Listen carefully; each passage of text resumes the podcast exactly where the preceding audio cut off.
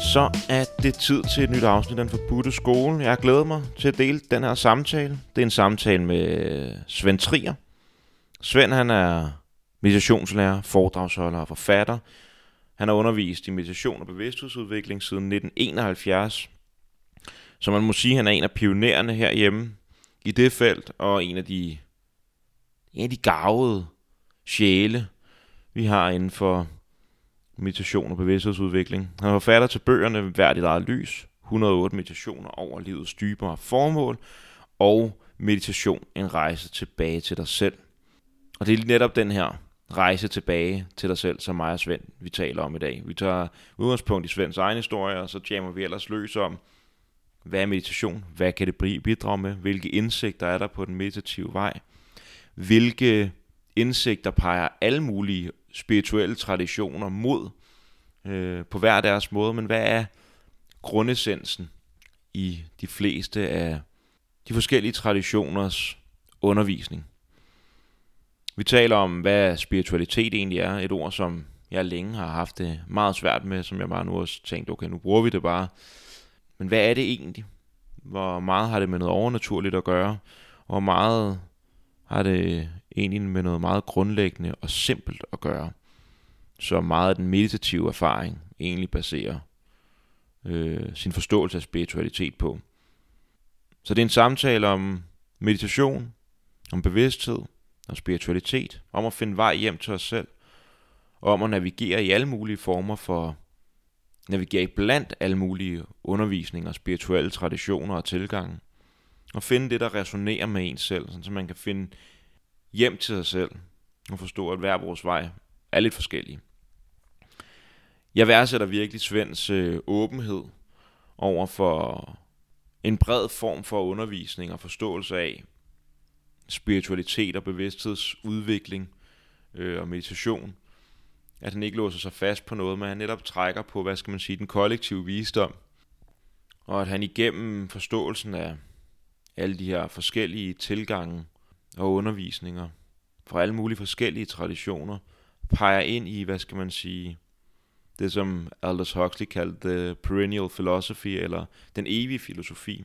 Altså det, der ligger under, eller er fundamentet for alle verdens religioner, spirituelle traditioner, visdomstraditioner osv. Øhm, at der er noget mere grundlæggende, og at de her traditioner på en eller anden måde er døre ind til den grundlæggende filosofi, de grundlæggende indsigter. Det var en fornøjelse at snakke med Svend. Han har, det skal lige siges, quantumseminars.dk, hop derind, Svend, han, den her idé om at få i tale en masse forskellige undervisere, det har han virkelig også manifesteret, kan man sige. Inden på Quantum Seminars, der kan du til dels øh, booke kurser og øh, foredrag med Svend, men Svend han laver også foredrag og kurser med alle mulige undervisere fra hele verden, øh, som simpelthen kommer til Danmark og giver kurser og foredrag, det har han gjort i en hel del år nu. Øh, blandt andet med Eckhart Tolle, Rupert Spira, Deepak Chopra, øh, Krishna Das og en gut, som jeg har talt en del om på podcasten, Broder David Steindl Rast. Så netop folk, der har noget visdom, som de kan dele, jamen lad os da få i tale, øh, eller lad, lad os da lære af dem også, selvom at den ene han er benediktinermunk, og den øh, anden er hinduist, eller hvad filen det nu kan være. Det er ikke så meget det label, vi putter på, men det den visdom, som personen indeholder, der er det vigtige. Så øh, det er super fedt. Med det sagt, så vil jeg bare lige ganske kort sige, hoppe ind på den forbudte skole.dk, og ind under coaching der, der kan man læse lidt mere om de coaching-samarbejder, som øh, jeg laver. Det er mega fedt, givende, og gå i dybden med, med folk, med deres med enig med den udvikling, der allerede er i gang, og så man ikke tænker, der er en udvikling i gang. For der er sgu en udvikling i gang i os alle sammen. Spørgsmålet er bare, om vi sætter fokus på den eller ej, og øh, nærer den og hjælper den med at, at udfolde sig, den proces, der nu er i gang. Så det gør vi der. Det kan være integrationsarbejde efter psykedeliske øh, oplevelser, men også bare andre form for integration. Har man haft en spirituel opvågning, eller ja, oplever en eller anden form for spirituel krise, så kan det være, at vi kan finde ud af noget der. Ellers så er det meditationscoaching og sådan generelle, som sådan generelt gerne vil udfolde noget i sit liv eller med sig selv, så gå derind og læs. Måske er det noget for dig. Ellers, brug lige 30 sekunder, hop ind i en podcast app, subscribe ind på iTunes, 5 stjerner. Det er meget, meget kærkommet. Og på sociale medier, der er det den forbudte skole. Gå ind, følg med, like, del med venner, alt det der. Det hjælper. Lad det vokse, ikke? Med det sagt, så vil jeg bare sige tusind tak, fordi du lytter med. Rigtig god fornøjelse med det afsnit af Den Forbudte Skole. En samtale mellem mig og Svend Trier. Dejligt, at vi kunne, øh, det er dejligt, at vi kunne mødes i dag. Det har jeg glædet mig til. I lige måde. Og ligesom, det har jeg jo lige sagt, men jeg forbereder ikke så meget til de samtaler her, men jeg synes altid godt, eller forbereder, jeg har ikke forberedt spørgsmål og alt muligt, men jeg synes et godt udgangspunkt for sådan en snak her, det vil være lige at, at du kunne præsentere dig din historie, hvordan er du kommet, hvordan er du blevet meditationsunderviser og forfatter og den slags ting. Mm. Øh, det er jo en, det er jo altid rart at, at høre forhistorien. Okay. Ja. Uh, ja, men uh, uh, det går helt tilbage til, til uh, 1967, uh, hvor jeg var 15 år gammel. Og uh, jeg var en del af den der uh, hippie-generation. Mm. Uh, og der eksperimenterede jeg så på det tidspunkt med, med uh, forskellige psykedeliske stoffer. Uh, og uh, havde nogle oplevelser der, som uh, mig, ændrede mig. ja, det, men det skal man passe på med. ja. uh, men uh, jeg kom også ligesom til et punkt, hvor jeg tænkte, uh, tænk hvis man nu i stedet for kunne finde en, uh, en naturlig vej uden indtag af, af psykedeliske stoffer, hvor man naturligt kunne blive høj. Fordi jeg havde også haft nogle oplevelser, jeg havde både haft positive, men også nogle negative oplevelser med et bad trip. Mm. Så jeg tænkte, at måske, at det ikke i længden vil være en farbar vej. Uh, og uh, uh, så, så hørte jeg uh, nogen fortælle om yoga og meditation, og jeg faldt over en bog på biblioteket, der hed Bag Indiens lukkede døre, mm. skrevet af en uh, engelsk journalist, der hed Paul Brunton, som uh, beskrev sine uh, rejser i Indien, og sine møder med forskellige yogier og vismænd og guruer. Mm. Uh, blandt andet hans møde med, med uh, en indisk vismand, der hed Ramana Maharshi, yes. som, som i, i dag faktisk, mange, mange år efter han døde, eller som man siger i de kredse, forlod kroppen. yes. som, som mange år efter det øh, er blevet mere, måske mere kendt end nogensinde over hele verden. Ikke? Mm. Og øh, på en eller anden måde, øh, hans beskrivelse af hans møde med den der vismand, gjorde et dybt indtryk på mig, og jeg tænkte, øh, oh, jeg må tage til Indien og møde sådan en, der må, jeg må finde sådan en, en vismand i Indien. Uh, jeg gik, så på det tidspunkt gik jeg i første G, og uh, det var ikke rigtig realistisk for mig på det tidspunkt bare lige at rejse til Indien. uh, men så, uh, så omkring samme tid eller kort tid efter, så kom uh, The Beatles guru mm. til København. Uh, og han var med et på grund af The Beatles blevet berømt, Maharishi Mahesh Yogi. Mm. Og uh, da jeg så billedet af ham i avisen, en annonce, at han skulle komme til København og skulle holde foredrag inde i Tivolis koncertsal. Ikke? Så, wow. Ja, fordi han var blevet så berømt på grund af The Beatles. Vildt nok. så, så, så det, men den måde han så ud på med sit lange hår og hvide skæg og så videre, og hans hvide gevand, og han, han stod så fuldstændig ud, som jeg forestillede mig sådan en ud. Yes, yes. så så jeg, jeg, jeg købte billet ind til det der foredrag, øh, hvor der var øh, fyldt sal 1800 andre mennesker, som sad der. og, og lyttede til ham, og, og du ved, han er senere også blevet omtalt som the giggling guru, fordi han lå meget, så tænkte jeg, wow, han, er, han må være permanent høj. Ja.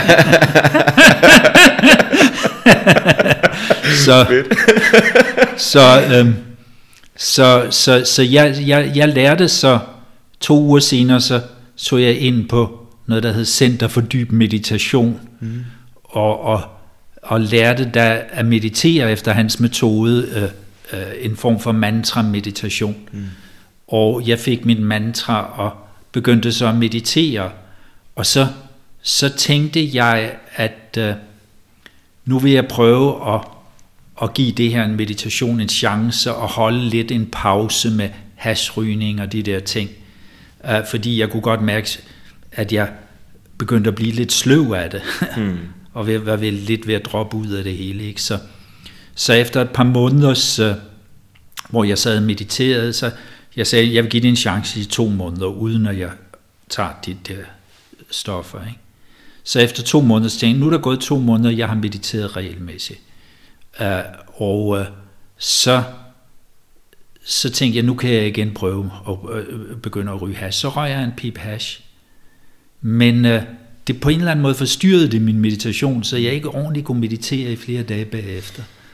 Og øh, det gjorde så, at jeg endelig droppede det, og i stedet for fortsatte med meditationen. Og øh, det hjalp mig meget til ligesom at have, jeg fik meget mere fokus, jeg fik, det, øh, det ændrede mit liv på mange forskellige måder, og øh, altså det, den, den måde, som, som ah, mine, mine venner i gymnasiet levede på, og med fester hver weekend, hvor man skulle drikke sig fuld, og alle de der ting, ikke? Altså det, det forekom bare meningsløst for mig, så jeg, jeg, jeg, jeg skiftede pludselig en masse af mine venner ud, og, og, og øh, øh, jeg, jeg foretræk bare at blive derhjemme og meditere i stedet for. og jeg kan huske, da, da jeg så var blevet student og skulle, skulle øh, øh, der var alle de der studenterfester og så videre, så stod jeg i stedet for til Sverige på sådan et, et uh, intensivt meditationskursus, og, sådan. og uh, uh, kort tid derefter, efter jeg havde taget min studentereksamen, så tog jeg så også til USA, hvor jeg var på sådan et tre måneders kursus med uh, Maharishi Mahesh Yogi, mm. uh, Beatles guru. Ikke? Og uh, uh, der blev jeg så uddannet til meditationsinstruktør. Så i mange år uh, var jeg så lærer inden for det system, og uh, var, arbejdede simpelthen fuldtid inden for, for det system uh, som, og Transcendental Meditationsorganisationen, som specielt op gennem 70'erne havde stor udbredelse. Mm. Uh, men, men så på et tidspunkt, efter, efter mange år, da jeg sådan kom hen i, i midt-30'erne, så begyndte jeg at føle manglende inspiration. Ligesom jeg kom ind i en, en form for indre krise, ikke? hvor at... Øh, og jeg følte også, når jeg underviste som, som, som lærer, øh, så, så lærte vi dengang, at, hvordan at bare repetere nogle ord, man nærmest skulle lære udenad, fuldstændig Maharishis ord. Ikke? Mm. ikke? Fordi man lagde vægt på, at læreren skulle holdes ren og så videre. Ikke? Uh, og, og jeg, jeg kan huske, at jeg underviste og holdt alle de der foredrag om højere bevidsthedstilstande og så videre. Uh, og, og var en stor kanon inden for den organisation. uh, men, uh, men jeg kom ligesom til et punkt, hvor jeg ikke kunne holde ud og høre mig selv undervise. Altså mm. det, fordi jeg på en måde, jeg havde lært alle de der ord udenad fra uh, Maharishi, som var min guru på det tidspunkt. Men uh, hvor meget kunne jeg stå inde for mm. med min egen personlige direkte erfaring? Uh, så, så, så i en periode måtte jeg mere eller mindre næsten give slip på at, at undervise, undtagen måske de basale meditationskurser. Ikke? Uh, men, men det var ligesom om, jeg, jeg fandt heller ikke pludselig længere inspiration inden for TM-organisationen. Jeg, jeg følte, at det ligesom var en en gramofonplade, der kørte i samme rille hele tiden. Ja. Uh, og jeg begyndte også at søge i andre retninger. Uh, og uh, så det var ligesom, jeg var kommet til et punkt, noget der havde været en, en kæmpe inspiration for mig, og hjulpet mig til, til et vist punkt. Ikke? At nu følte jeg, at, at, at det nærmest blev en hindring for mig mm. på et senere tidspunkt. Ikke? Mm. Uh, så, uh, så jeg følte mere og mere, at jeg måtte slippe ud af organisationen, også for at have friheden til at udforske andre veje. Omstændighederne havde bragt mig også i kontakt med nogle andre læger, hvor jeg følte, at jeg fik nogle brikker udfyldt, som jeg manglede i mm. den organisation. Ikke? Så, men jeg er stadig den dag i dag taknemmelig for det, jeg har lært der, ikke? Og, og, og det var en, er, var en utrolig vigtig fase for mig. Men, øh, men øh, der, der, der sker noget, som jeg tror er almindeligt i alle sådan nogle organisationer. Ikke? At, at øh, organisationen, som egentlig skulle være et middel til et større formål, går hen lidt og bliver et mål i sig selv. Yes. Og, øh, øh, og der, kan, der opstår lidt nogle sekteriske tendenser. Ikke? Ja, vi har alt, hvad enhver spirituel søgende nogensinde har brug for, osv. Mm. Og øh, øh, bedst ikke at kigge i nogle andre retninger. Og det kan selvfølgelig måske for, for når man starter, kan, kan den indstilling være en hjælp for, at man ikke ender bare som, som det, man kunne kalde en spiritual window shopper, der går lidt her, det er aldrig går i dybden med tingene. Yes, yes. Men, men på et tidspunkt blev det en begrænsning for mig. Uh, og uh, uh, så for at gøre en, en lang historie kort, så Øh, til sidst så endte jeg så med at forlade TM-organisationen, og øh, øh, så, så øh, startede jeg øh, det arbejde op, som jeg så har arbejdet med siden. Øh, Quantum Seminars kalder jeg min virksomhed, hvor jeg begyndte at arrangere kurser og seminarer med, øh, med forskellige spirituelle lærer, øh, som, som jeg selv havde følt mig inspireret af ja, så begyndte jeg at invitere dem til Danmark mm. og arrangere de her kurser og seminarer. Og, øh, og jeg begyndte så også på egen hånd at øh, øh, undervise i meditation, øh, ting jeg havde lært fra andre lærere, som jeg var stødt på. Så den der overgang ud af TM-bevægelsen, det var en gradvis overgang, det, det, som, som ligesom skulle modnes over flere år, mm. fordi jeg havde tilbragt det min, det meste af min ungdom der, og, og havde udviklet hele mit sociale netværk der. Så, så, wow. så på, på et tidspunkt måtte jeg ligesom slippe alt det der. Ikke? Og øh, jeg blev ligesom betragtet som en slags falden engel, du ved, der mm. forlod organisationen. Det må være hans ego, der må have været løbet af med ham, og så videre, og så mm, videre. Mm, yes. så, det kan ikke være andet. nej. Og, øh, så, men, øh, men, men da jeg endelig tog skridtet efter flere år, ikke, så var det som en kæmpe befrielse for mig, og som en helt ny verden, der åbnede sig for mig, og, og øh, øh, så startede jeg så det her arbejde, som jeg så har fortsat med siden. Mm. Jeg plejer for sjov at sige, at jeg er endt som sådan en uh, guru-importør. Fedt, tak for det. det er en fed form for importør, importør ikke? ja, så i, i stedet, jeg skulle måske hellere have kaldt det dansk guru import, i stedet for som seminar. det havde været så fedt, hvis du havde haft den hjemmeside. Så, ja. så men, men, uh, men se, uh, det som så, så let sker i, i spirituelle organisationer, det er, at man, man, man siger, hvis du bare følger det her system, den her vej, så er din udvikling garanteret. Mm. Så vil du nå oplysning eller kosmisk bevidsthed efter, efter en vis årrække. mm. uh, men, uh, men vi er jo alle sammen unikke, så der er ikke to mennesker, som følger præcis den samme vej. Og, og, uh, men det, der kan være en tendens til nogle gange i sådan nogle organisationer, selvom det ikke er, er hensigten måske fra starten, ikke? det er, at, at uh, ens individualitet på en måde bliver lidt undertrykt, uh, så man ikke øh, får mulighed for at finde sin egen unikke vej og sit eget unikke udtryk. Mm. Og det følte jeg i stigende grad et, et behov for. Mm. Øh, og øh, så, så man kan sige, når jeg, da jeg startede Quantum Seminar, så var det også med den idé, jamen mennesker er forskellige og har forskellige behov. Så, så jeg ønskede ikke længere at komme og sige, følg det her system eller den her vej. Eller der er den her form for meditation er den bedste og rigtigste for alle. Mm, mm.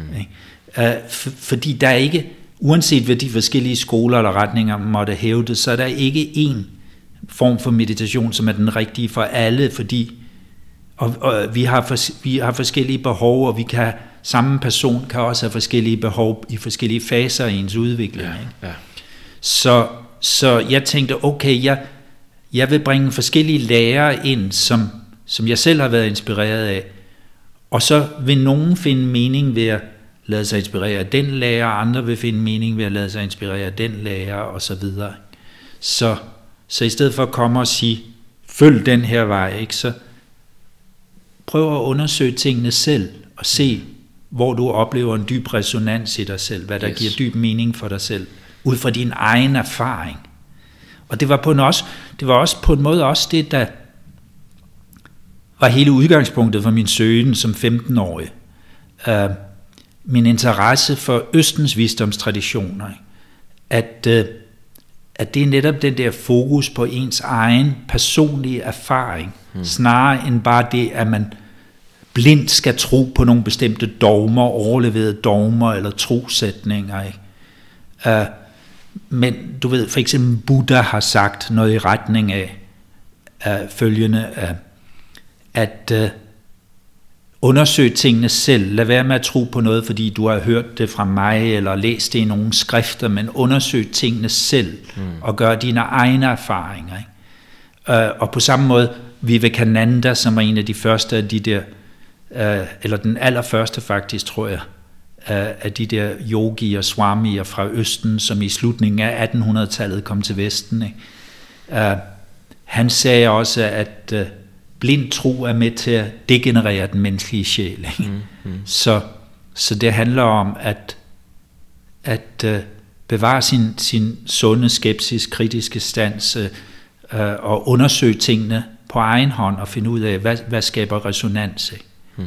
Så, så for eksempel i, øh, jeg kan huske som, som teenager, ikke, at, at det for eksempel at gå ind i en kirkelig sammenhæng gav slet ingen mening for mig, ikke? fordi den der idé, at kun gennem troen på Jesus Kristus eller sådan noget, kun mm. af den vej kan I opnå frelse. Ikke? Uh, så, men, men, men det er jo det, der, der, der så tit sker med, med religionerne. Mm.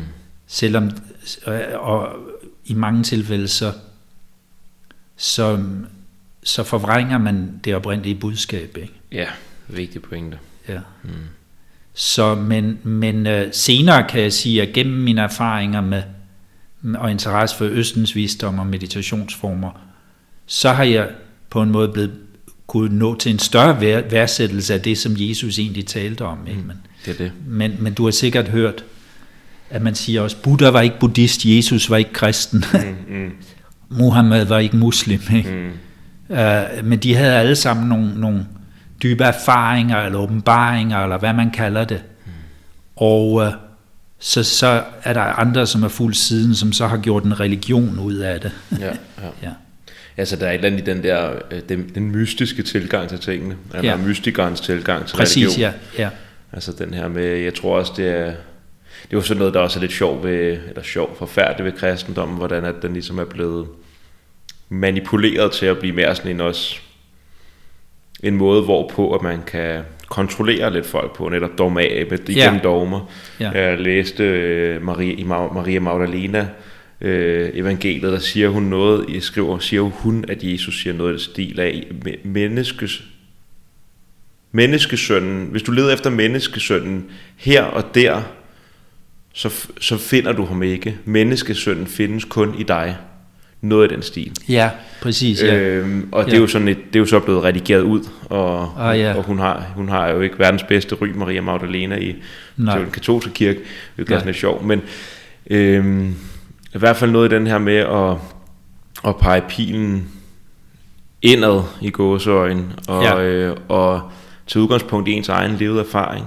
Og det er også, når man gør det, som jeg synes, der har været så interessant, det er netop, at der finder man ud af, at den her, som du kalder for resonansen, du finder ud af, hvad er det egentlig, der Ja. taler dybt til mig. Ja, ja. Og hvordan at det også er noget, der fluktuerer i løbet Mm. af et liv. Altså jeg synes bare, bare de fem år, jeg fortalte dig med, at jeg har Mm. været i gang med sådan cirka fem år, bare på det stykke tid, er der nogle ting, der lige pludselig, hvor jeg har læst en bog, eller hørt et eller andet, hvor det, det var bare sådan, ja, det er ligegyldigt. Ja. Og fire år efter, så lytter man til det. Mm. Og så om brækken bare falder ned Ja, i puslespillet. Ja, Nå ja. ja. Ja, okay, så er vi med. ja, ja. Så der er virkelig noget i at, øhm, og, og, øh, at gå med sin egen erfaring.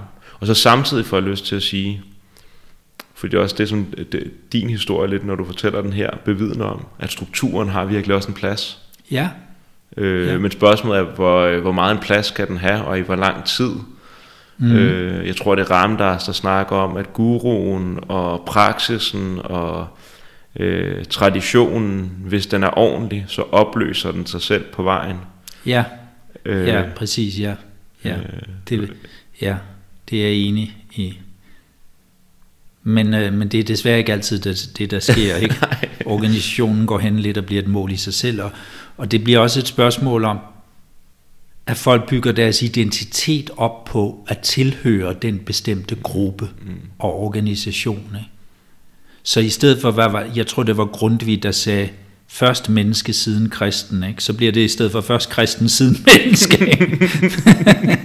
Yes, yes. Så på, men på samme måde kunne man sige, først menneske siden buddhist, først menneske siden uh, muslim og så videre, så videre, ikke? Så, eller hindu, eller hvad man følger, ikke? Altså det, men, men, men, men det bliver ofte, en spirituel tilhørsforhold, bliver ofte en måde at booste sin egen identitet på, sit eget ego, ikke? Og, og så bliver det jo i virkeligheden noget med os over for dem. Igen. Og det er jo, det er jo netop den der dualisme, som, som spiritualitet i virkeligheden handler om, at man skal transcendere, mm. bevæge sig ud over den der adskillelse.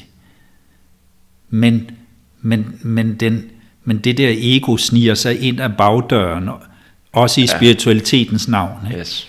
Så, og man kan se det næsten alle steder, ikke? Okay, at, og også det, okay, vi, jeg, jeg, jeg, jeg følger den lærer, som er så indsigtsfuld, og der selvfølgelig er der andre veje, og der er ikke kun én vej, men vores vej er alligevel lidt finere. Mm, ja, ja, ja. og så ja. videre. Altså det, det, det kan så let snige sig ind, ikke? Mm. Uh, så det er, jo, det er jo noget, man må være på, på vagt over for. Helt vildt. Ja. Og, og, og se sig selv i øjnene også, ikke? fordi jeg tror også, det er en fase, som, som uh, uh, alle søgende i en eller anden grad uh, går igennem i større eller mindre grad, ikke? som jeg selv har gået igennem. Mm. Ikke? Ja. Jeg tror, jeg tror især i starten, at man finder den der... At det er jo også en mærkelig tid i dag at, øh, at blive søg, for mig i hvert fald, fordi jeg, min, jeg har ligesom fået stillet min sult efter at undervise, og Ja. altså, ikke helt få stillet den. Men i hvert fald, at der er blevet slukket en lille smule tørst i starten af sådan mærkelige ting som internet og YouTube, for så Ja. Ramdas eksisterer. Han har været rigtig stor for mig, ikke? Ja, ja. Men han har netop været sådan en, der på en eller anden måde øh, laver den der selvdestruktion, fordi han, han hele tiden selv peger alle mulige andre retninger. Mm. Øh, og, og netop også inkluderer, altså kan snakke ud fra et, øh, et kristent synspunkt, Ja. kan snakke øh, buddhistisk, kan snakke Mm.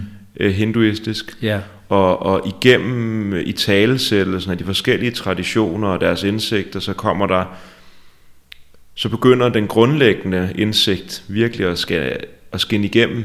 Ja. Det der, som man ville kunne kalde for the perennial philosophy. Eller, ja, præcis, ja. ja. Øh, Huxleys udtryk, ja. Ja, ja, Ja. ja. Øhm, og, og det er det der, som man skal prøve at få fat på. Altså det er jo øh, netop noget, jeg synes det er så sjovt, som du siger, den der, men at at øh, den spirituelle søgen og, og få et tilhørsforhold til en eller anden organisation eller en underviser eller hvad det kan være, det ligesom skaber en ny form for dualisme, mm-hmm. og hvor at vi troede, at vi skulle transcendere dualismen, måske den, som vi er blevet fortalt af vores religion eller af videnskaben, eller altså, altså naturvidenskaben, sådan subjekt-objekt forhold, og verden, det er bare et andet, vi kan måle og veje mm-hmm. derude. Så er vi, nu, vi, nu er vi gået på den her spirituelle vej, og vi har fundet den her underviser, eller den her tradition, og så bytter, bytter vi bare en forståelsesramme ud med en ny. Mm-hmm. Men det er stadig bare en forståelsesramme. Ja, ja. Stadig, stadig bare konceptuelt. Yes, yes. Ja. Det er rigtigt, ja. Det er sjovt, du nævner The Perennial Philosophy, for jeg kan huske, at øh, det, det var også noget Huxleys uh, bog, det er Den evige filosofi på dansk, Perennial Philosophy, uh, var noget, der også inspirerede mig meget der i gymnasietiden, og jeg, jeg kan huske, jeg skrev faktisk min studenterstil om der, der fik vi som opgave at skrive om en forfatters idéverden belyst ud fra et eller flere af hans værker, og der skrev jeg om Aldous Huxley, wow. blandt andet ud fra Perennial Philosophy.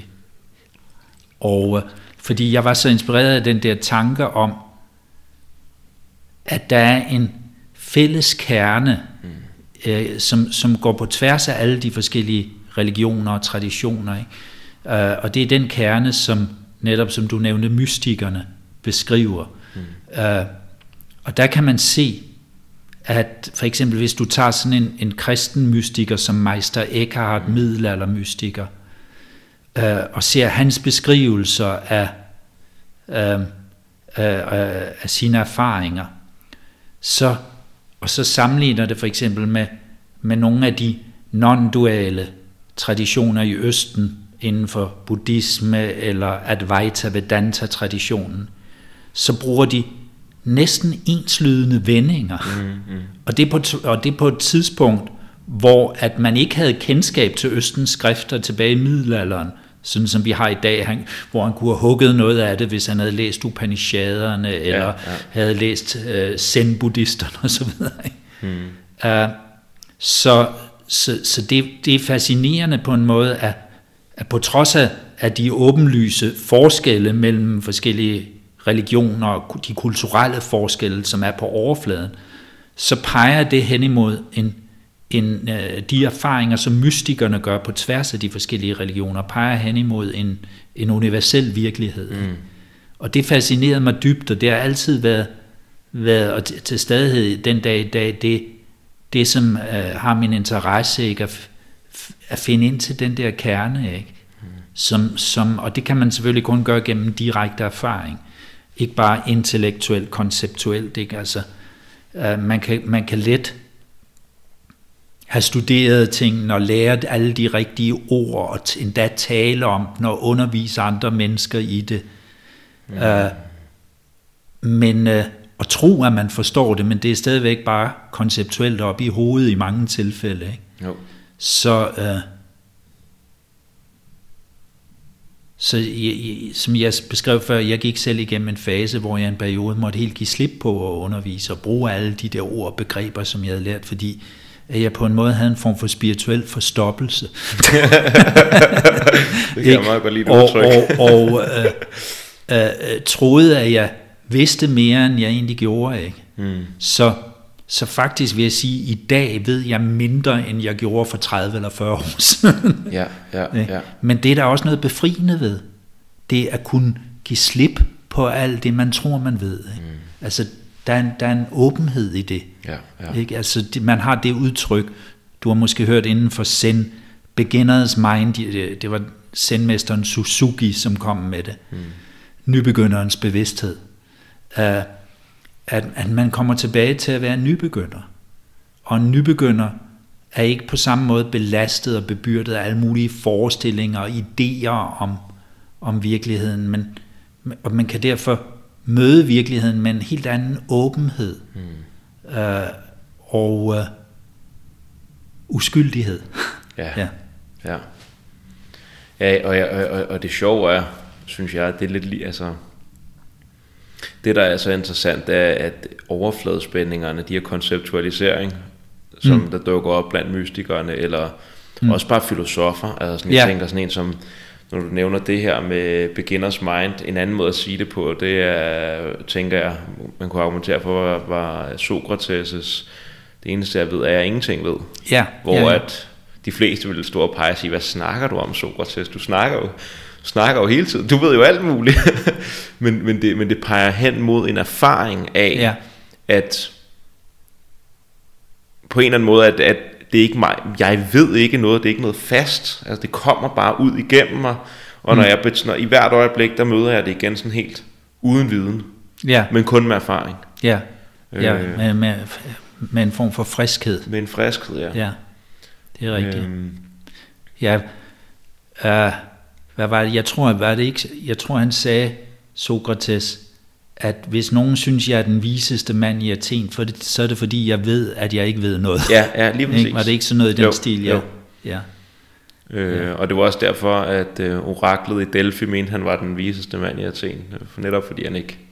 Du ved intet, og det ved du, du ikke ved, så det er Ja. super. men, Ja. men det går så meget mod vores, øh, vores vestlige forståelse af viden. Mm. Og jeg tror også, det er derfor, vi har glemt, visdom er ikke noget, der eksisterer i Vesten mere. Altså i vores samfund i hvert fald. Nej. Det er ikke fordi, det ikke eksisterer, det eksisterer rundt omkring.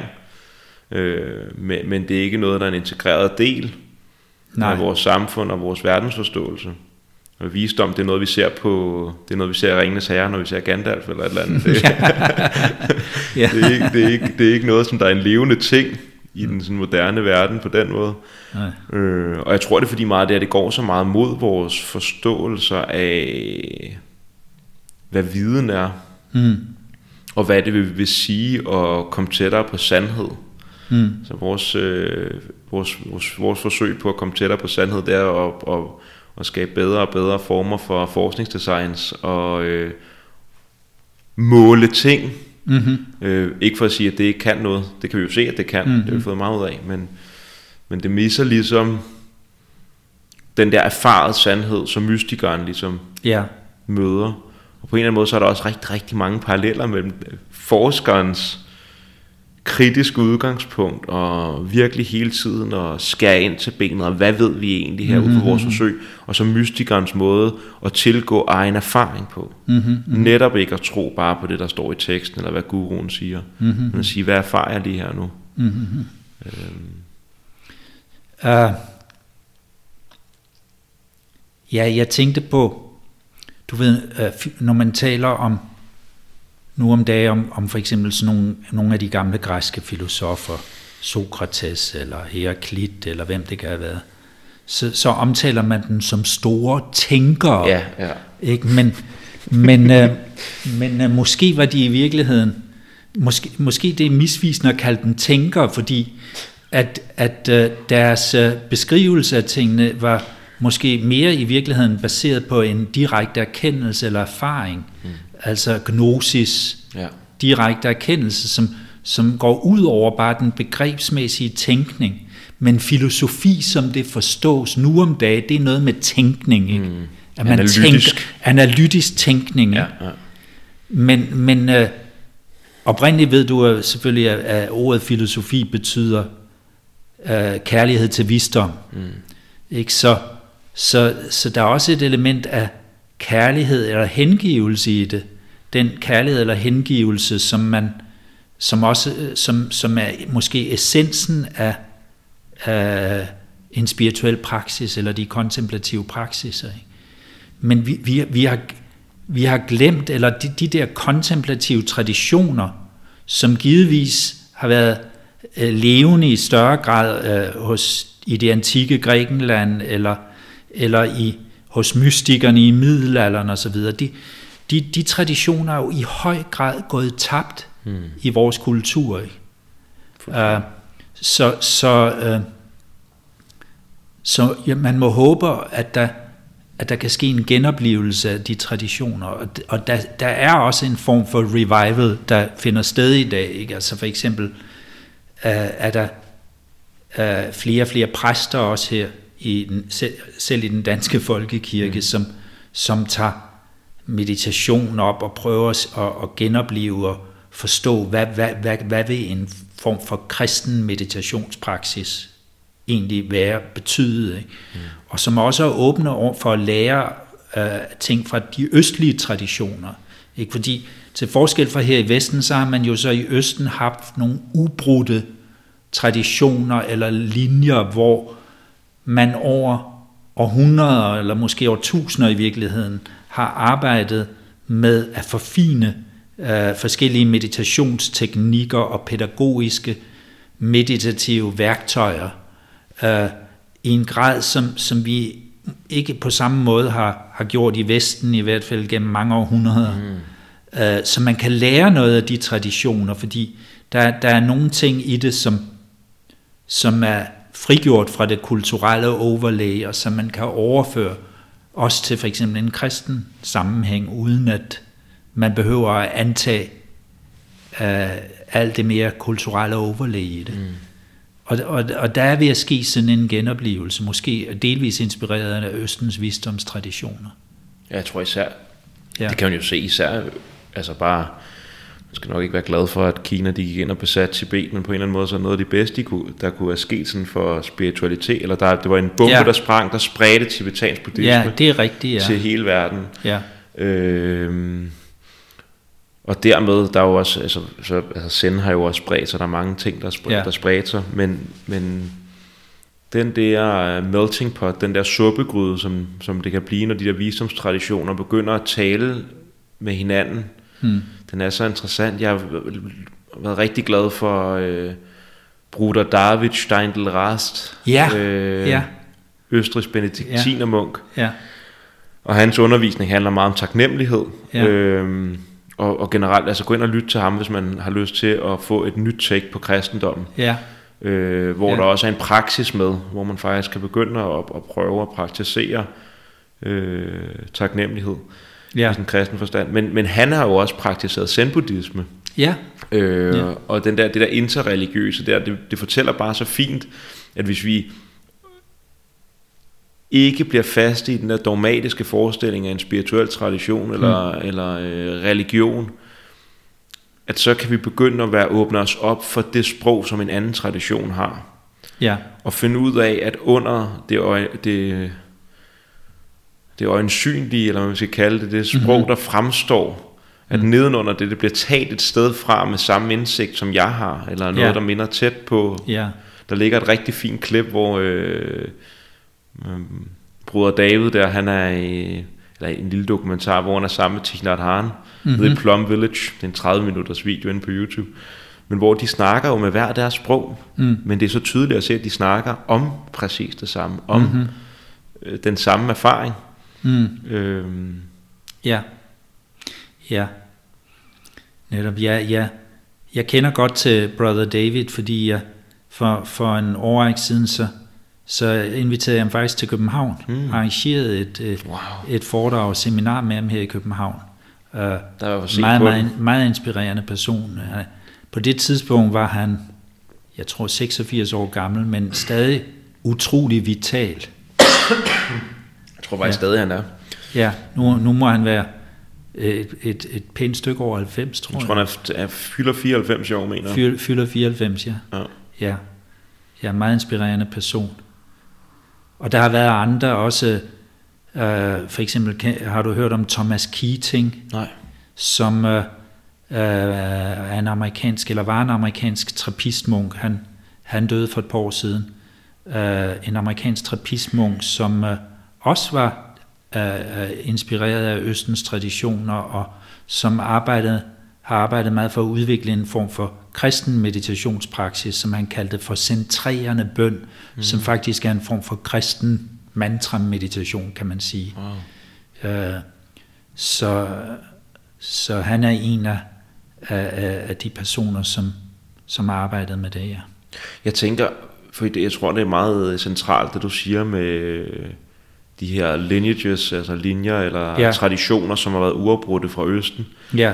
For lige for der sad vi og snakkede om grækerne, og det er bare en, det er en, en, en tradition, den, som blev givet videre til den tidlige kristendom. Altså hvis, ja. vi, hvis vi har øh, gnostikerne, så har de også det her centrale begreb af gnosis, altså ja. erfaret viden. Ja.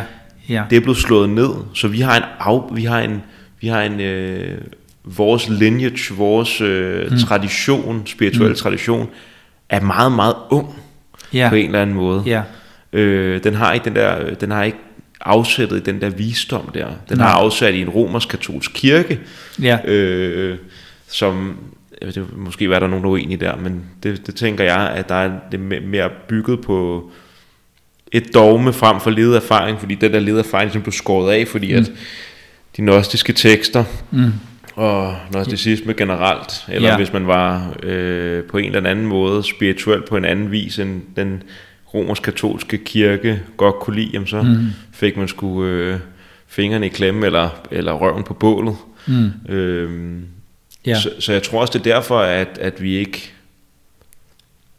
at vi ikke ser det så meget her. Det er rigtigt, ja. Og alligevel har den katolske kirke stadigvæk haft nogle enkelte rigtig store mystikere, ikke? Mm. som for eksempel Teresa af Avila i, fra, fra Spanien, og Johannes af Korset, og Frans af Assisi og så videre. Ikke?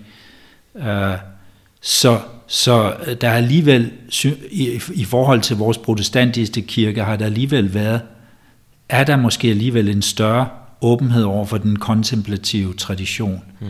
end vores protestantiske kirke. Ja. Ja. Og så endnu mere, hvis vi går tilbage til den øh, østkirkelige ortodoxe tradition, mm. hvor, hvor at man jo stadig, for eksempel på Athos, har en, en uh, levende tradition med, med, med kontemplation og meditation. De der eneboer, munke, der lever på Athos. Ikke? Mm. Jes Bertelsen har skrevet en bog om det for, for en del år siden. Uh, uh, så så det, det, det findes sporadisk, Ja.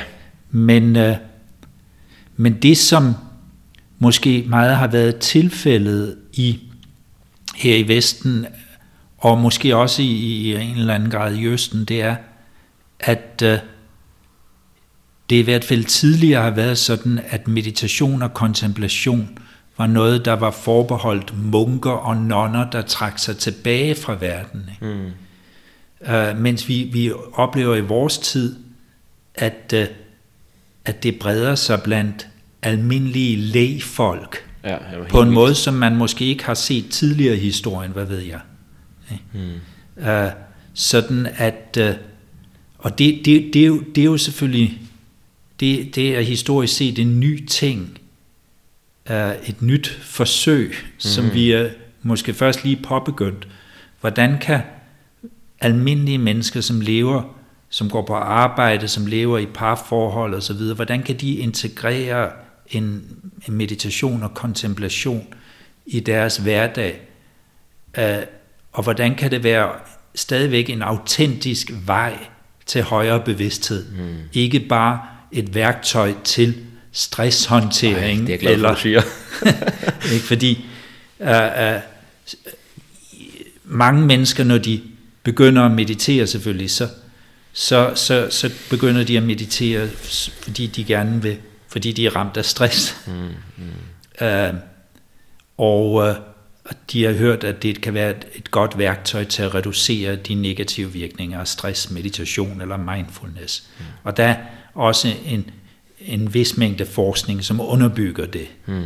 Uh, og det er jo sådan set fint nok, kan man sige, men meditation og mindfulness rummer jo så meget, et så meget større potentiale end bare stresshåndtering. Yes. Hvis man virkelig begynder at gå dybere i det. Og man ser også, at folk, der så fortsætter med det, at de begynder så meget ofte så at opdage, at der er øh, langt dybere potentiale i det, end de, de øh, overhovedet forestillede sig, da de begyndte at meditere. Ikke? Ja, fordi, men hvordan kan vi, hvordan kan vi leve de her ting som, så på en måde, så det ikke bare er en form for stresshåndtering. Jeg, jeg mediterer 20 minutter en eller to gange om dagen, og det tager toppen af den stress, jeg, jeg øh, ellers udsættes for konstant. Ikke? Øh, ja, hvordan kan man integrere det i hverdagen, så det, det, så det virkelig kan blive en, en vej til en, til en dybere form for selvudvikling mm. eller spirituel udvikling? Ikke? Ja, og jeg tror også... Det tror jeg er en udfordring for mange. Helt sikkert. Men jeg tror også, der er noget, at når, man, når det bliver solgt som om, at det, MBSR, altså Mindfulness-Based Stress Reduction. Mm. Jeg tror, det, jeg tror det, altså, det- så, jeg er også enig, jeg synes også, det er rigtig fint, at der ligger en masse forskning, og vi har, at det er kommet ind i videnskaben på den måde. Mm. Jo, det er jo det er en, som sådan en fin ting, men der er også et eller andet i, om vi ikke kommer til at få skyklapper på, som Mm. moderne mennesker. Og så når vi har fået gulderåden, øh, som er stressreduktion, så ser vi ikke videre, så vi, vi ser faktisk ikke alt det, der ellers er Ja. i praksisen. Mm. Øhm, det kan jeg godt være sådan lidt bekymret for, at, og, og, fordi jeg, jeg plejer altid at sige, at sådan noget som, altså om det er stress, depression, angst, hvad det kan være, som du reducerer igennem meditation, det er biprodukter af det, som du egentlig, det egentlig handler om, som er indsigt. Ja, præcis, ja. Øhm, Ja. Og, det er ikke og, det, det handler om, vil jeg Nej. mene. Nej, og så også det med, at øh, det er også vigtigt, tror jeg, at forstå, at øh, meditation er ikke bare, handler ikke bare om at lære en eller anden teknik til at, til at slappe af og spænde af. Det kan være fint nok, ikke? Mm. men at det øh, på en måde også er forbundet med, en, med hele den indstilling, man har til tilværelsen. Mm. Uh, man kan ikke adskille det fra hele den måde, man lever sit øvrige liv på. Mm. Ellers kunne man forestille sig, jamen, at hvis man bare træner mindfulness, ja så, hvis man var en snigskytte, Jo, eller er legemorder, ikke? Yes. Så, så kunne man blive en bedre legemorder. Ja, meget bedre. ikke? Men, Også have færre kvaler med det. ja, fordi man går kultivere den der form for fokus. Ikke? Ja, ja. Men som du siger, at, at hvis ikke det også er forbundet med en dybere indsigt, så, så, så fører det ikke i sig selv nødvendigvis til, til nogen udvikling mod højere bevidsthed, eller, eller det man kunne kalde spirituel udvikling. I, og igen, når vi taler om spirituel udvikling eller spiritualitet, hvad mener vi så egentlig? Mm, ja. Uh, så så det, er, det er jo efterhånden også et, et måske et lidt misbrugt udtryk, Helt vildt. uh, fordi uh, der er så utrolig mange forskellige opfattelser af, hvad spiritualitet er. Er spiritualitet for eksempel, er det, er det en personlig erfaring, eller er det en særlig måde at leve på, eller er det begge dele? Eller for nogen så er spiritualitet noget med at tale med ånderne, eller udvikle øh, evner til at kunne se en persons aura, men har det i virkeligheden noget som helst med spiritualitet at gøre, ikke? Og, og, er øh, eller troen på, på, øh, på magi, eller krystaller, eller hvad ved jeg. Mm, mm. Øh, hvad, hvad, men hvad, hvad er handler spiritualitet i virkeligheden om? Ikke? Det har jeg brugt rigtig meget tid på at gruble over, fordi jeg havde meget modstand på. Det er først her det seneste halve år, eller et års tid, at jeg begyndte at bruge spiritualitet som begreb. Ja, ja, Øh, fordi jeg fik det sådan lidt, øh, ja, ja, det forstår jeg godt. ja, sådan lidt øh, opkast. Men så samtidig så er der også nu, jeg sådan tænkte, at der er også noget i at tage, tage begreber til sig, og så altså, øh, lidt ligesom Gud for mig, den Ja. begreb, jeg er begyndt at bruge, fordi Ja, ja, jeg har en oplevelse, jeg føler, jeg har en oplevelse af, Okay, ja, af ja. Gud, der er ikke Ja. at så, så for mig der er det ikke den der hvide mand med, med skæg, eller vand med, mand med skæg oppe oppe i sky op i skyen. ja. Det er lidt noget andet. Mm. Så der er noget i at tage det tilbage, men jeg, jeg var meget sådan der, at for mig der spiritualitet handler om, i en eller anden grad, det kan du så lige øh, sige, hvad du synes om, men for mig der handler det grundlæggende om forbundethed.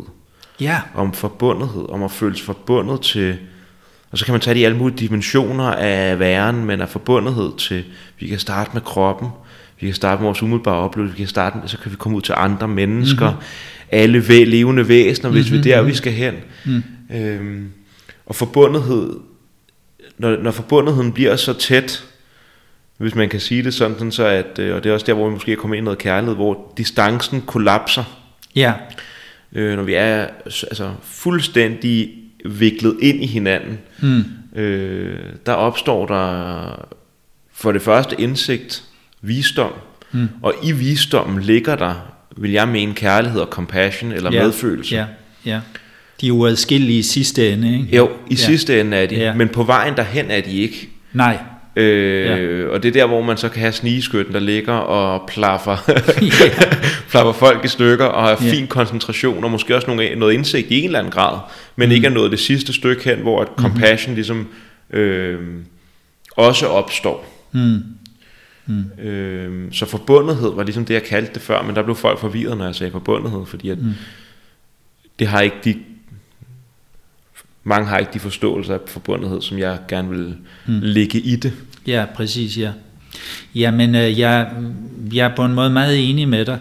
Uh, altså for mig, for, for mig at se, så, så ligger den, det vi kunne kalde den spirituelle impuls, i virkeligheden i os alle sammen, mm. alle mennesker, også mennesker, der ikke uh, vil betegne sig selv som spirituelle, eller, eller er bevidst spirituelle, mm. så, så ligger den spirituelle impuls i os alle, den spirituelle impuls forstået som, som uh, behovet for at føle sig forbundet med noget, der er større end en selv.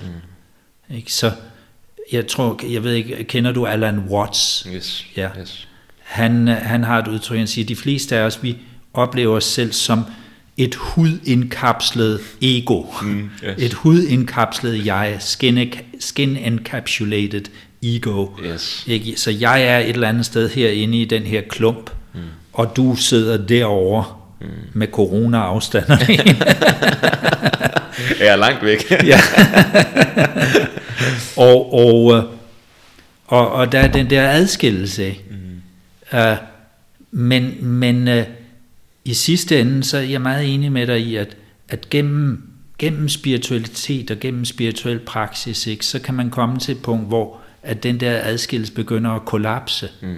og man så oplever den der større forbundethed med alle levende. Jeg tror, øh, som jeg husker det, Eckhart Tolle, hvis du kender til Eckhart mm. Tolle, som også en af de lærere, som har været en inspiration for mig, som jeg har arrangeret foredrag og seminar med. Ikke? Uh, han siger, at uh, kærlighed er at genkende sig selv i et andet menneske. Ja. Ikke? Altså elsk din næste som dig selv. Ikke? Ja, ja. Uh, men, uh, men det er jo ikke noget, vi kan bare sige, nu skal jeg elske min næste som mig selv. Ikke? Mm. Uh, men det er netop et udtryk for et bestemt bevidsthedsniveau, som, som uh, måske de færreste af os i virkeligheden kan sige, at vi virkelig har nået andet end i bedste fald glimtvis. yes. yes. Uh, men, uh, men, men, men netop når man det at genkende sig selv i et andet måde, det kan man forstå i et andet menneske. Ikke? Det kan man forstå også på forskellige niveauer. Ikke?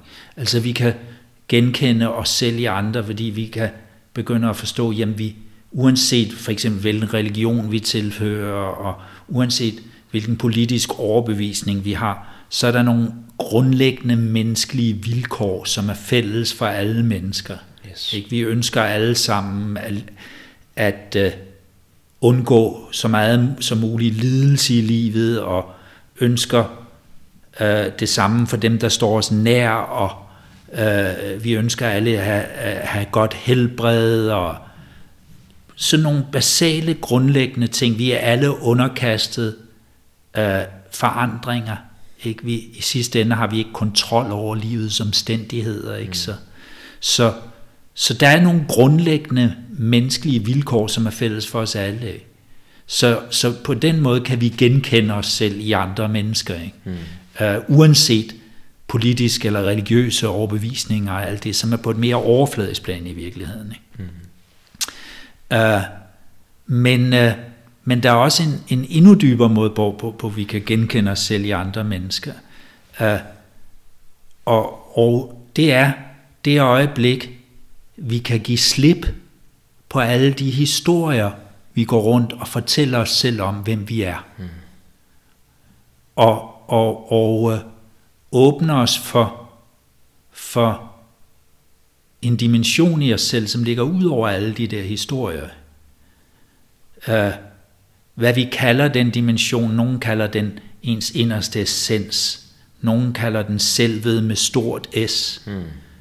Uh, buddhisterne ville sige ikke selv. Ja, ja. ikke, altså i, ikke, ikke det der adskilte selv længere. Ikke? Mm. Uh, og uh, nogen kalder det det guddommelige, eller den universelle bevidsthed osv. osv. Men, men uh, når vi virkelig uh, åbner os for den dimension, så opdager vi, at, at, øh, at det er det samme i, os alle sammen. At, øh, og, og det er den dybere betydning af, som jeg forstår det, at genkende sig selv i andre mennesker. Mm. Så her ophører dualiteten, eller adskillelsen ophører. Her oplever vi ikke længere os selv som bare et hudindkapslet jeg, mm. men, men oplever virkelig den der forbundethed. Ja. En fælleshed. Fælleshed, ja. forbundethed, ja. ja. Ja. Men og endda mere noget, vi har fælles, det, fordi det, det er endda en, en enhed, en form for enhedsbevidsthed. Mm. Ja. Og, og, der, og det er jo den, vi søger på en måde, den der enhed. Yes. Men vi frygter den også, fordi vi klamrer os til vores adskilte jeg. Mm. Mm. Så vi både længes efter det og frygter det. Ikke? Ligesom man, man i et kærlighedsforhold kan opleve, at man længes efter det, men man frygter det også. Og mister jeg mig selv? ja, ja, ja. ja. Hvordan skal jeg så realisere mig selv, mand? Ja. Hvad fanden? ja, det er rigtigt. Det er så rigtigt. Bruder David, han snakker om øh, ich selbst, eller mig, mig selv. Han snakker om, at vi er et mig selv. Ja. Og at meget, det er Alexander og Svend. Ui, Alexander og Svend. Ja. Og, øh, ja. og selvet, det er ja. vores fælles natur. Ja, vores fælles natur, ja. ja. ja. Øh, og vi skal kunne holde begge dele. Ja. Men i, fra selvet af, at det er det, som det spirituelle handler om. Mm. Ikke at blive fri af meget, men at holde meget i selvet. Øh, ja. Hvilket jeg synes er, er så fint, for så kommer man også over det der med, at man skal dræbe egoet, eller sådan nogle, nogle gange bliver brugt sådan nogle voldsomme termer. Ja. Øh, hvilket jeg ikke øh, umiddelbart synes er en, en vild god måde at betragte det på, at vi skal dræbe egoet, eller, vi skal, eller hvis man får at vide en gang, så hører jeg folk, som ikke mediterer, som så siger, jamen, er det meditation, det kan jeg ikke, for det, så skal jeg stoppe med at tænke. Sådan, det, ved, det ved jeg ikke. Nej, overhovedet ikke. Mm. Men det er din, din måden, du relaterer til dine tanker på, vil ændre mm-hmm. sig. Mm-hmm. Øh, og det er ja. det, der er det springende punkt. Og, og det er ikke fordi, at øh, Alexander øh, forsvinder, heller ikke i de øjeblik, hvor jeg faktisk sidder med indsigt, eller går med indsigt, mm. øh, forsvinder ikke med min relation til Alexander anderledes, og ja. faktisk mere kærlig og omfavnende. Ja, præcis, ja. Så man kan jo spørge sig selv, hvem er det, der gerne vil slippe af med egoet? Ikke? Mm. Det er jo også egoet. Ja. Egoet har en idé om, hvis jeg bare jeg kunne slippe af med det der forbandede ego, ikke, så vil jeg blive oplyst og for altid leve i lyksalighed. Ja. så, så, så det er jo også egoet, der gerne vil slippe af med egoet. Ja, ja. Uh, en, en spirituel lærer, uh, som oprindeligt kommer fra Australien, Leonard Jacobson, han siger, han siger netop også, det dur ikke det der med bare at sige, at vi skal slippe af med egoet, ikke? fordi mm. det, det, det kan også blive en form for undertrykkelse eller kamp, ikke? Mm. hvor øh, man, øh, man faktisk, øh, ja, hvem, hvem ja, han har da mere ego end mig. Mm. yes, yes, yes, Paradokset ja, i det, ikke? Ja, ja. Så man kan ligefrem gå hen og blive stolt af sin egen ydmyghed. yes, yes. altså, det er igen den der, det der spirituelle ego, ikke? Som på en måde er... Egoinflation. Ja, ja som, som jo på en måde er værre, end, fordi det, det kan skjule sig under en forgivelse af at være spirituel. Ja, mm. Jeg har da i hvert fald ikke så meget ego som ham. Ikke? mm, ja, ja, ja, ja. På den måde der. Uh, men, uh, men Leonard Jacobsen han siger, det handler ikke om, at vi skal prøve at slippe af med egoet, men vi skal bare give egoet en anden jobbeskrivelse. Yes, ja, og så fedt. siger han, og, hvad, og hvad så, så hvilken jobbeskrivelse skulle vi så give egoet? Så siger han, egoet er, vi giver den følgende jobbeskrivelse, egoet er assistant manager in the relative world of time and space. det kan jeg godt lide. Yes. Assi- med streg under assistant. Ja, ja. Assisterende manager i den relative verden af tid og rum. Ikke? Ja, medhjælper. Så for eksempel, du ved, hvis ikke jeg havde en, en eller anden form for ego, ikke? Uh, så vil jeg for eksempel måske være ligeglad med, om jeg kom til tiden, når jeg skulle arbejde, eller møde på arbejde, eller undervise, eller, eller kom til tiden til den her samtale og så videre, ikke? fordi hvis jeg var fuldstændig egoløs, ikke? Mm. Eller, eller som en, en, en, en elev engang spurgte sin sendmester om, hvor meget ego har man brug for? Så svarede han lige akkurat nok til, at du ikke træder ud foran bussen der. Mm. Mm. Ikke? Altså så, så egoet, det vi kalder egoet, igen, folk forstår forskellige ting ved egoet. Det defineres på forskellige måder, ikke? men egoet, jeget, er, at uh, uden, uden jeget, så vil vi ikke være i stand til at manøvrere i den her relative verden og uh, sørge for at betale vores regninger til tiden og sørge for at møde op til tiden på arbejde. Alle de der ting, ikke? Uh, men, men det der er problemet, jeg plejer at sige det på den måde, det er ikke så meget, at vi har et ego, men det er, hvis egoet har os. Ja, ja, ja. Så egoet overtager, så vi er styret af det, og, og kommer ind i den der reaktive mode, ikke? hvor at øh, nogen siger et eller andet, og vi bliver fornærmet, og så, så bliver vi vrede, og alle de der ting, alle de der reaktive mønstre, fordi vi føler os, egoet føler sig troet, mm. ikke? og så går vi i forsvarsberedskab, eller vi går i angreb. Ikke? Uh, men men det, man kan ikke bare undertrykke det, men, men man bliver nødt til at se det i øjnene og face det, mm. uh, uden at dømme sig selv. Yes. Så, så, og det er noget af det, som den meditative træning også handler om, det er den der, at man kultiverer den der evne til at observere sig selv, observere sine egne reaktioner og mønstre, øh, observere sit eget ego, men uden at dømme egoet. Mm. Men, men, øh, men bare, bare det at, at se det for, hvad det er. Ikke? Fordi det øjeblik, vi kan se det, så har vi et valg. Mm. Men når vi ikke kan se det, så overtager det os. Ikke? Så, så øh, for, for at kunne bevæge os ud over egoet, så må vi først blive bevidste om egoet, og hvordan de der egomønstre styrer os i større eller mindre grad. Men, men øh, for, for, for mange af os, så, så er det bare noget, der overtager som, så det bliver nogle automatiske reaktionsmønstre mm. i større eller mindre grad. Så, så det er derfor, at den meditative træning er så vigtig, at vi øver os i at træde et skridt tilbage og bare observere de der reaktive mønstre i os selv. Mm. Og det er ikke bare begrænset til, når vi sidder på puden eller på stolen og mediterer, men, men, men det er også noget, vi må tage med ud i dagligdagen, i, i situationer, hvor vi føler os udfordret. Det er der, den virkelige træning finder sted. Yes. Uh, at vi så øver os i at træde et skridt tilbage og lige at observere de der tendenser. Og uden at dømme os selv. Ikke? Og det er jo ofte nogle tendenser og mønstre, som er blevet grundlagt tidligt i barndommen. Mm. Øhm, så alt det må komme op til overfladen. Så der sker en renselse. Så, og så først når vi, vi i virkeligheden fuldstændig kan acceptere egoet, så kan vi transcendere det. Mm. Så først der kan vi bevæge os ud over det. Når vi virkelig har set det i øjnene og kunnet rumme det og acceptere det. Hvilket ikke er det samme som at lade sig styre af det, Nej. eller blive overtaget af det. Men hvis ikke vi kan se det, så overtager det os.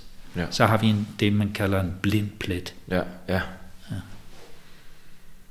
Er der nogle forskellige ting, jeg kommer til at tænke på der? Mm den ene ting,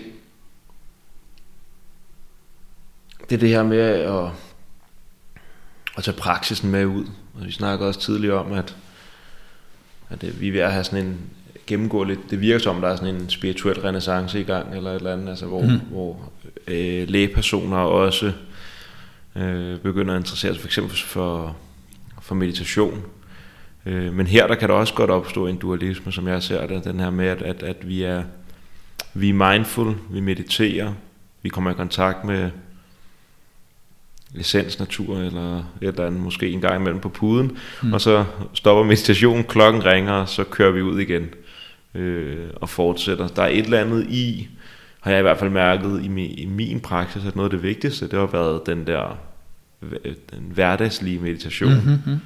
Altså meditere i bussen, meditere i metroen, køre, Mm-hmm.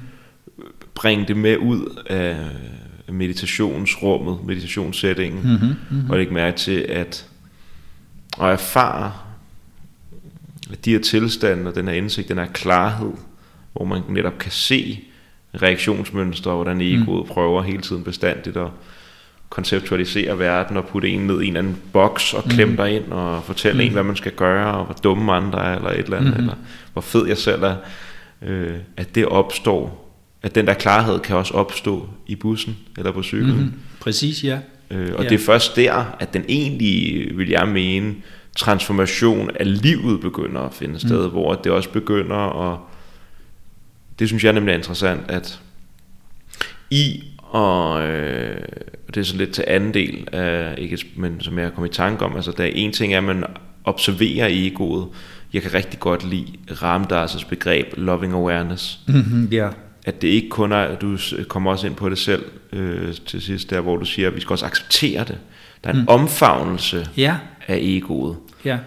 Øh, fordi at jeg tror også, der er mange, der kan få den der, når man sidder og mediterer, så begynder tan- bliver man lige pludselig revet med af tanker, og så får man sådan for satan Louise, hvad filen er du gang i?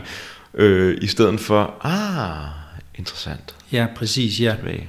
Og, og kunne acceptere det, rumme det med loving awareness, for nu at bruge det udtryk, som Ramdas taler så meget om, hans meditation, det er at minde sig selv om, I am loving awareness. Ja, ja, Ja, det er rigtigt. Ja.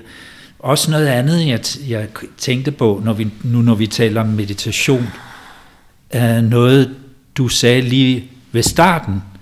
Uh, jeg ved ikke engang, om det var noget, der blev optaget, eller om det var, da vi snakkede lidt sammen inden optagelsen, hvor du sagde, at uh, du havde var begyndt at interessere dig for de her ting i en periode i dit mm. liv, hvor du selv gik igennem en form for krise, men så midt havde du pludselig en dag den oplevelse midt i denne krise, eller alle de udfordringer, der var et, et stille punkt inden i dig selv, som var uberørt mm. af alt det andet. Mm. Var det ikke sådan noget Jo, i den retning, du jo. beskrev det, eller hvordan vil du sige det med dine egne ord? Jamen, det var fu- Kan du prøve? fuldstændig deromkring. Altså, det var, jeg fortalte bare om, om den her mm. cannabis-meditation, jeg lavede midt i min krise. Ja, hvor at jeg, og det var en sindssygt ubehagelig aften, altså.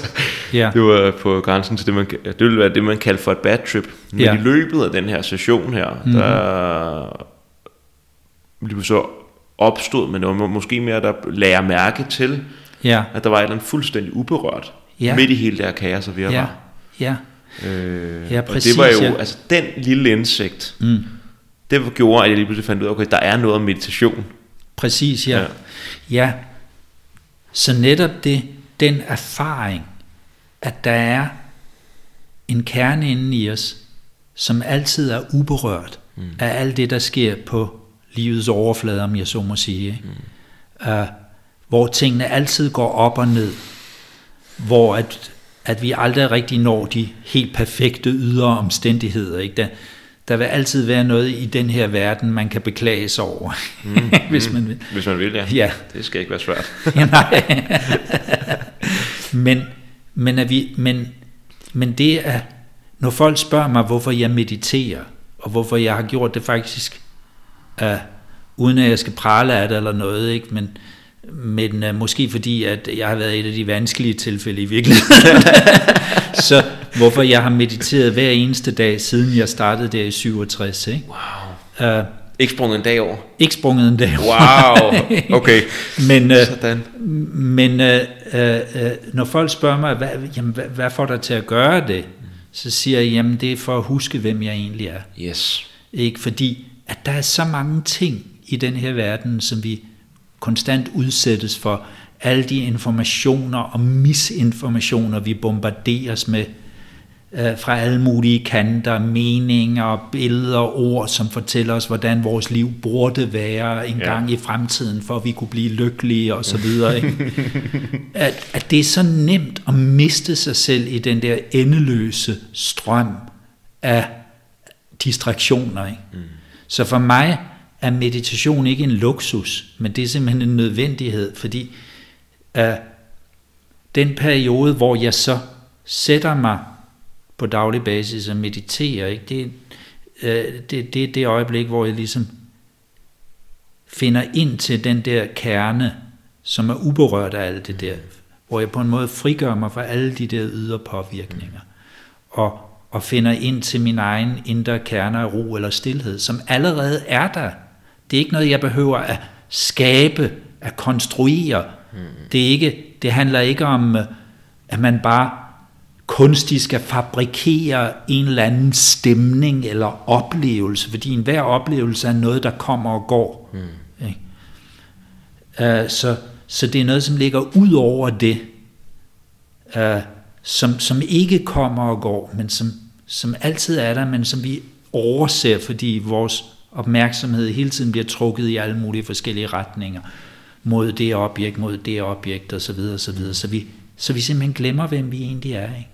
Så det er også derfor, at uh, min bog, som jeg skrev for 14 år siden eller 13 år siden, jeg kan ikke huske præcis om meditation, jeg kaldte meditation en rejse tilbage til dig selv. Mm-hmm. Ikke? Yes, yes. Ikke? Altså det, On point. Det er, find, og det, det er det, det handler om, at finde tilbage til den der indre kerne af stillhed, som, vi, som er der hele tiden, men som vi overser. Ikke? Men, men der er ingen vej til det, fordi det er noget, der allerede er der. Mm. Men det, det overser vi.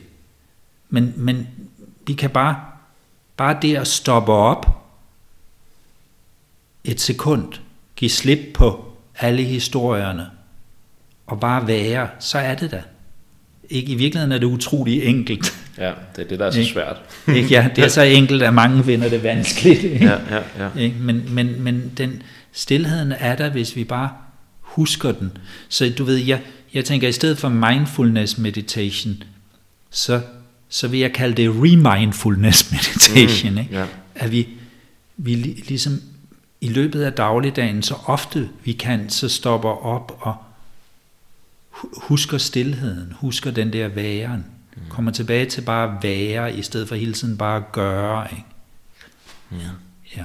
Og så derfra kan vi så igen gå ud i dagligdagen og handle. Men så handler vi fra et andet sted i os selv. Ja, ja. ja. Så, og det er jo, der, der er noget, jeg lige kommer i tanke om her, for det, det er det, der er så sjovt, når vi begynder at tale det her sted fra, hmm. så snakker vi paradoxer. Ja. Fra det, den, det koncept, fra det konceptuelle sind, vil ja. sige, det er jo det paradoxalt. Hmm. Øh, jeg, jeg har ikke adgang til det lige nu, vil jeg mene. Stilheden, kunne man sige. Hmm. Men der er ikke nogen vej der til, men den er her lige nu. Altså, hvad fint snakker I om? Øh, øh, og, og, og, men, men jeg tror, det er grundlæggende er et problem ved... Øh, vores konceptuelle sind fungerer ligesom i en eller anden dualisme, ikke? Hmm. Men øh, grundlæggende, så når vi taler det, vi, vi peger, det er jo fingre, der peger mod månen på en eller anden måde, når vi taler om de her ting her. Hmm. Og fordi at alt i den her tilstand, at det er noget, der ikke forgår, noget, der er evigt i en eller anden grad, øh, uendeligt, vil jeg også mene, eller, eller formløst, ikke? Altså, mm-hmm. øh, og en enhed. For der er også et eller andet i allerede, når vi siger, at det er et punkt inde i os selv. Mm. Der vil Advaita Vedanta for eksempel jo være sådan der, øh, nej det er Altså hvad er inde i mig, og hvad altså sådan, øh, mm. tænker, at, at det er... Ja, i sidste ende er det adskillelsen mellem indre og ydre ophæves, ikke? Jo, og jeg, jeg tænker også på øh, hjertesutraen, øh, Form af for, tom, er, tom og tomhed af form. Lige form af tomhed og tomhed af form. Lige ja. præcis. Ja. Øh, og det er... Så når vi snakker det sted fra, for lige at gøre den pointe færdig der, så, så, mm. så snakker vi et sted fra, hvor at, at grænserne mellem alt er visket ud allerede. Mm.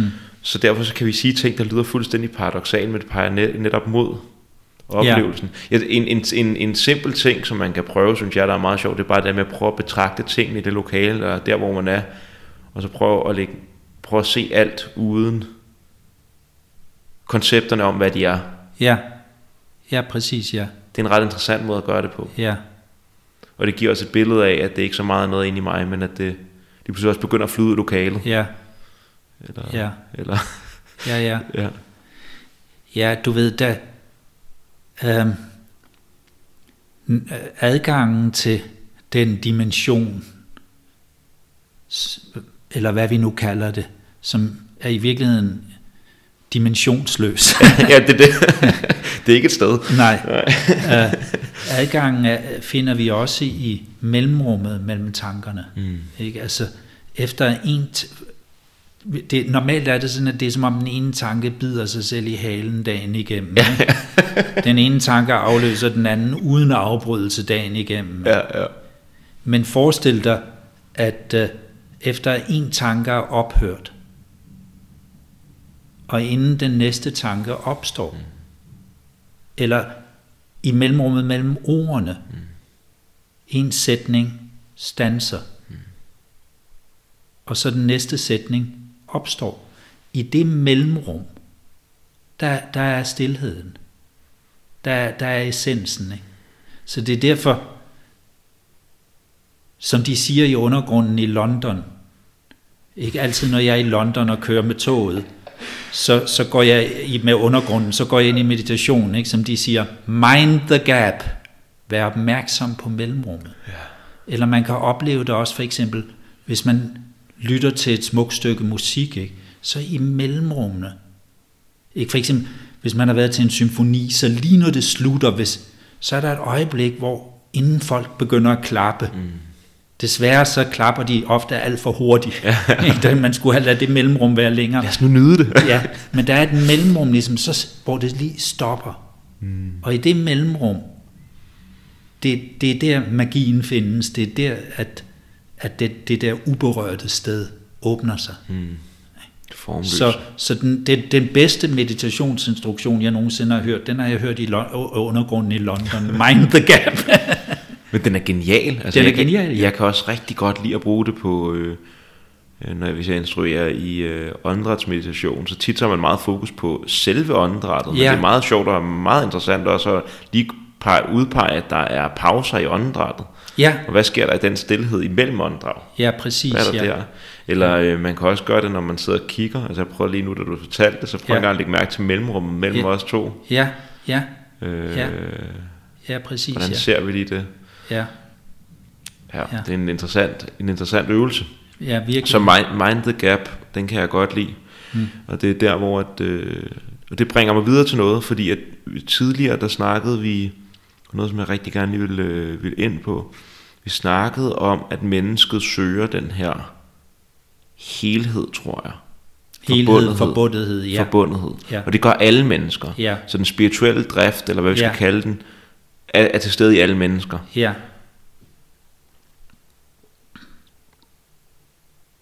Egoet har også den drift.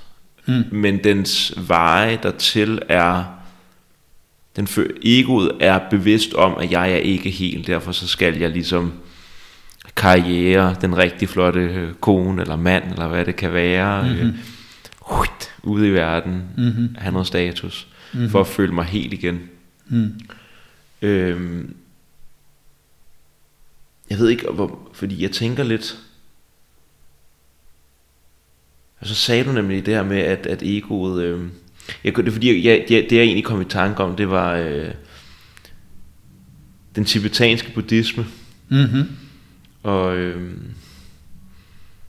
så meget ved jeg ikke om det, men Bardo-stadiet, at man kommer op i den her, mm-hmm. hvad, hedder det, der, hvad hedder det, jeg ikke engang huske, hvad det hedder, men i hvert fald, at man kommer op i det hvide, klare lys, i, i enheden, Mm. Øh, men sindets øh, karmiske øh, programmering, skulle jeg til at sige, kan ikke mm. rigtig holde ud, at der ikke rigtig er noget ego mere. det kan ikke rigtig klare hele, helheden. Mm-hmm. Øh, så den begynder bestandigt ligesom at øh, allerede der at, at, pro- at lave mindre sandheder af helheden, mm-hmm. hvad man skal sige. Mm-hmm. Øh,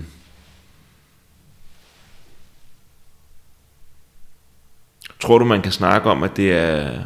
Jeg ved ikke, om jeg har gengivet det nogenlunde rigtigt. Mm-hmm. Men, men tror du, man kan snakke om, at det er det, som egoet konstant gør igennem hele livet? Det, som man allerede gjorde der. At søge og, og hele tiden at, at skabe mindre øh, sandheder, skulle jeg til at sige, som man kunne relatere til i håbet om at komme tilbage til helheden. Mm-hmm. Men slet ikke forstå, at jeg faktisk er. Ja, at man allerede er det, man søger. Ja, ja, Ja, ja. ja, det lyder rigtigt, ikke? Uh, men se, uh, de fleste mennesker, de lever på en sådan måde, at de hænger deres oplevelse af lykke eller tilfredsstillelse eller helhed op på opnåelsen af bestemte ydre omstændigheder engang i fremtiden. Ja, jo. Så, så først, for eksempel, først når jeg har fundet den rigtige partner, som du var inde på, så først der kan jeg blive lykkelig. Mm. Uh, så finder man måske den partner. Ikke?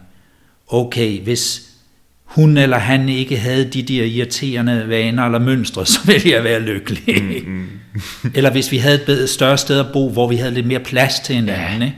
Okay, så, vi ikke en lille så finder man måske, øh, så får man måske den der drømmebolig. Mm. Uh, oh, hvis bare ikke naboen var så irriterende, ikke?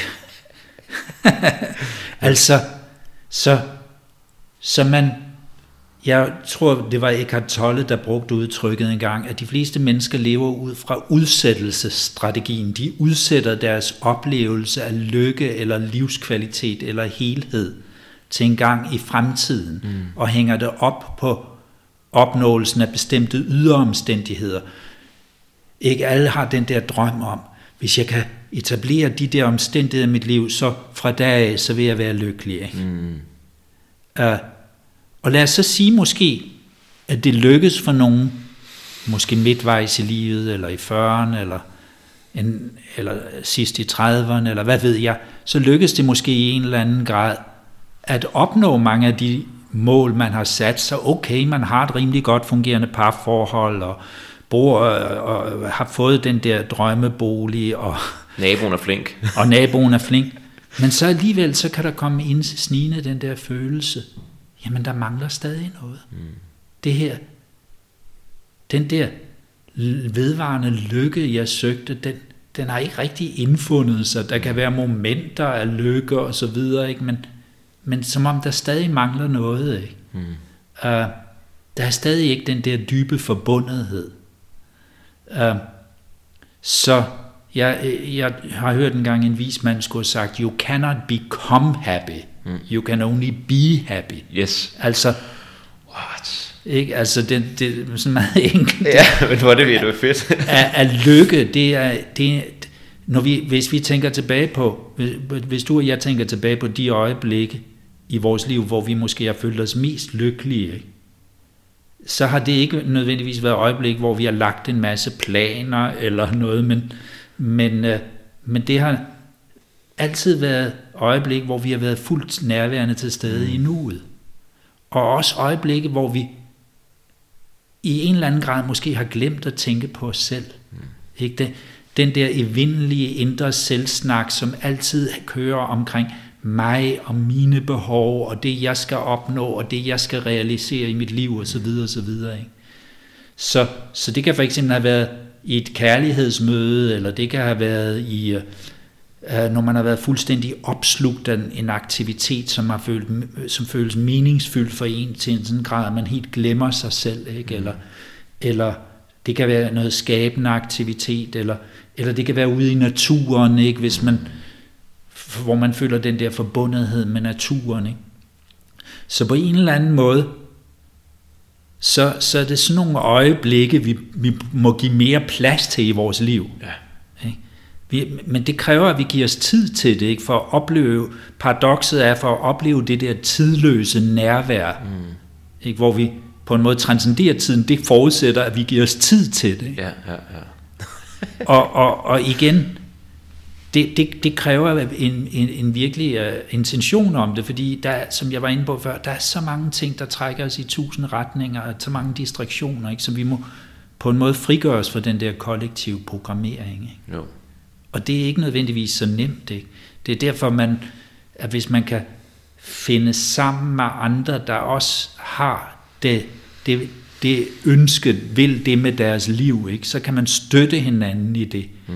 det inden for buddhismen taler om, man om, at man skal tage tilflugt til først Buddhaen, det vil sige den, som jeg forstår det, den indre Buddha. Mm. Buddha consciousness. Buddha bevidstheden, ja, ikke? Ja, ja. Eller hvis man var kristen, Kristus bevidstheden, mm. ikke? Uh, den indre Kristus, ikke? eller Indre Krishna, eller hvem det er, ja. Eller hvad det er. Ja, ja. Det eller, vælger man selv, ja. ja uh, og så, så man tager tilflugt til Buddhaen, og så tager man tilflugt til Dharmaen, som er vejen. Mm. vejen. Og så det sidste til Sanghaen, som er fællesskabet af mennesker, der, der går vejen. Mm. Så, så vi har brug for sådan nogle fællesskaber. Men hvordan kan vi skabe sådan nogle fællesskaber, sådan at de ikke bliver nogle fællesskaber, der lukker om sig selv, som jeg var inde på før, det der med os dem. Mm. Ikke? Men vi, vi talte om det der med, med, hvordan det så let kan ske i, i spirituelle grupper eller i, i organisationer. Ikke? Men, men kan vi skabe et fællesskab, hvor man kan støtte hinanden i, i en sådan udvikling, men uden at lukke sig ind om sig selv, men samtidig bevare en åbenhed over for verden omkring en, mm.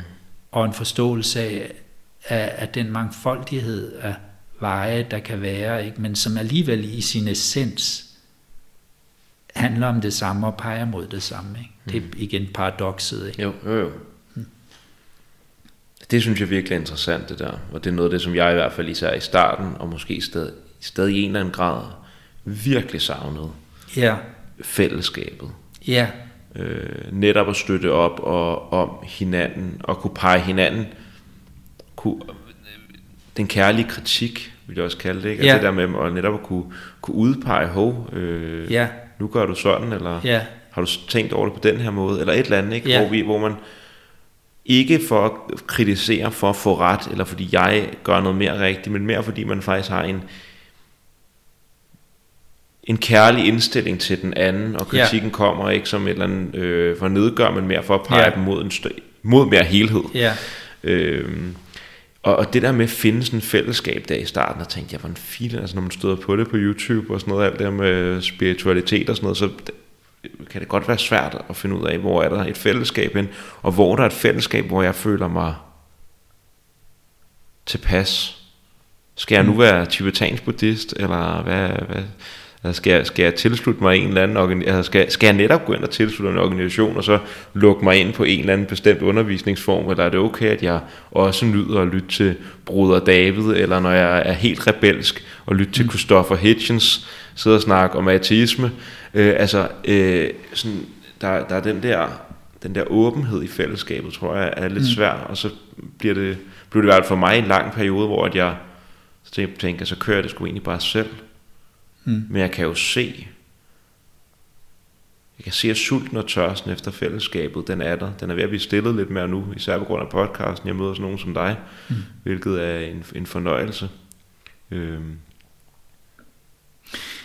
Ja, jeg vil egentlig bare høre, hvad, hvad tænker du om det? Altså, hvordan kan vi... Jamen, jeg kommer til at tænke på noget, en, en, en sætning, jeg stødte på forleden, uh, af en uh, amerikansk buddhist, Alan Wallace, mm. jeg ved ikke, om du har hørt om ham, han har, han, øh, han har været en, en øh, fremragende formidler af, af øh, buddhistiske meditationsformer til Vesten. Ikke? Mm.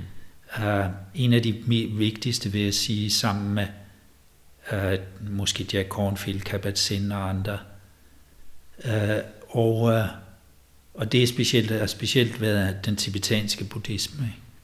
Og han, han sagde noget i retning af, at det gælder om at finde en vej, der får dit hjerte til at synge. Mm. Ikke? Altså, og, og uh, det er jo forskelligt fra person til person. Det kan være, det kan være at man vælger at gå en buddhistisk vej, ikke? Men det kan, og det kan også være andre veje, ikke? Det, men man skal altid huske, først menneske siden buddhist. mm, ja. Eller først menneske siden vedantiker, ja, eller hvad, hvad det kan være. Hvad det kan være, ikke? Ja. Og, uh, først menneske siden videnskabsperson. Yes, yes, yes præcis. Ja, så, så på, igen et paradoks på en måde, ikke? så som sådan, sådan oplever jeg at på en måde er vi nødt til at forstå, at vi må gå vejen alene, at vi, vi må også forlige os med vores egen alenehed. Mm.